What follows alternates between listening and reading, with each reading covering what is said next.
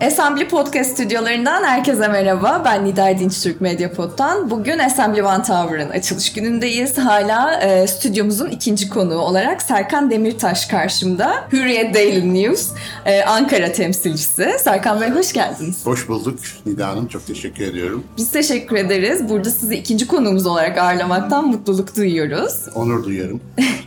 Şimdi Assembly'nin Ankara'daki bugünkü açılışına binaen ben aslında biraz birlikte çalışma kültürü üstüne de sohbet etmeyi tercih ediyorum bugünkü konuklarımla.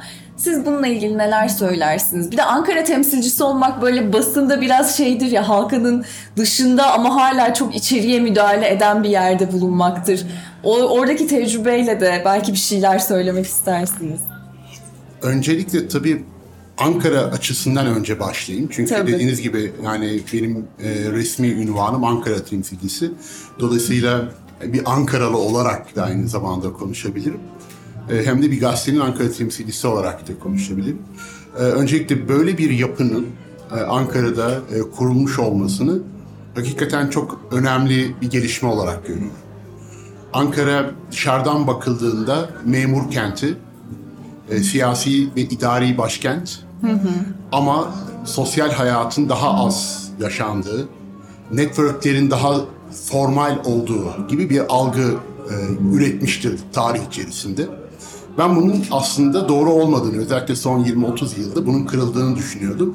E, ve bugün bu e, ortamın sağlanmış olması da aslında bu gerçekliği yansıtan bir durum ortak çalışma kültürü, birlikte e, üretme, aynı mekanda e, farklı farklı e, düşüncelerin sentezlenmesi. Çünkü bu tür binaları farklı kişi ve gruplar, farklı şirketler de kullanacak olsalar aynı ortamı soluyup aynı ortamda örneğin yemeklerini yerken veya sosyal bir alanı paylaşırken yaptıkları fikir alışverişi sonuçta daha farklı tezlerin de ortaya çıkmasını, ortak aklın ortaya çıkmasını da sağlayabilir. Ankara tam da böyle bir yer aslında. Evet ben de Yani gibi düşünüyorum. farklı kesimden gelen insanların, farklı e, background'dan gelen insanların e, bu ülkeyi yönetirken hem bürokrasi kısmında hem sivil toplum kuruluşlarında hem medyada aslında bu e, ortaklığı sağlayabilecek bir potada erittiler kendilerini Ankara'da yıllar içerisinde. Ankara'nın başkenti olduğu tarihten itibaren.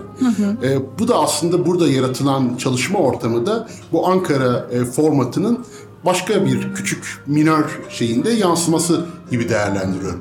Küçük küçük odalarda farklı insanlar olacak. İşte e, çalışma düzenlerini kuracaklar. Buradan değişik fikirler, değişik iş olanakları ortaya çıkacak. Sonunda Türkiye'nin kalkınması için bir katkı değer sağlayacak, artı değer sağlayacak bir bir ortam yaratılmış oldu. E, bu açıdan ben baktığımda hakikaten yani Ankara için çok sevindirici, e, güzel bir bir ortam gördüm bugün. Ben de sizden önceki konuğumla da bunun üstüne biraz sohbet ettim. Çünkü aslında bir yandan senelerdir her şeyin merkezinin İstanbul'da olmasına, her şeyin ilklerinin İstanbul'da olmasına yani evet güzel bir şey ama neden her şeyin aklı İstanbul'da diye de tartışıyorduk. Şimdi bu beraber çalışma ofislerinin bilhassa Ankara gibi çok kültürlü ve aslında belki İstanbul'a göre de daha çeşitli kültürel anlamda bir şehirde bir ayaklanıyor olması buraya nasıl bir katkıda bulunacak diye sormuştum. Siz beraber çalışma kültürüyle bunu harmanlayarak cevaplamış bulundunuz. Çok teşekkür ederim. Başka eklemek istediğiniz bir şey olur mu? Var tabii çünkü bu bölge ben Ankaralı, Ankara'da doğmuş, Ankara'da eğitim almış e, bir e, insan olarak da söyleyebilirim. Bu, bu semt Ankara'nın göreceli yeni semtlerinden bir tanesi. 1980'lerin ortasında Oran kentinin kurulmasıyla bu taraflar e, yaşama geçti. One Tower'ın kurulmuş olması, Panora'nın kurulmuş olması bölgenin daha da cazip bir e, yerleşim birimi olmasının önünü açtı.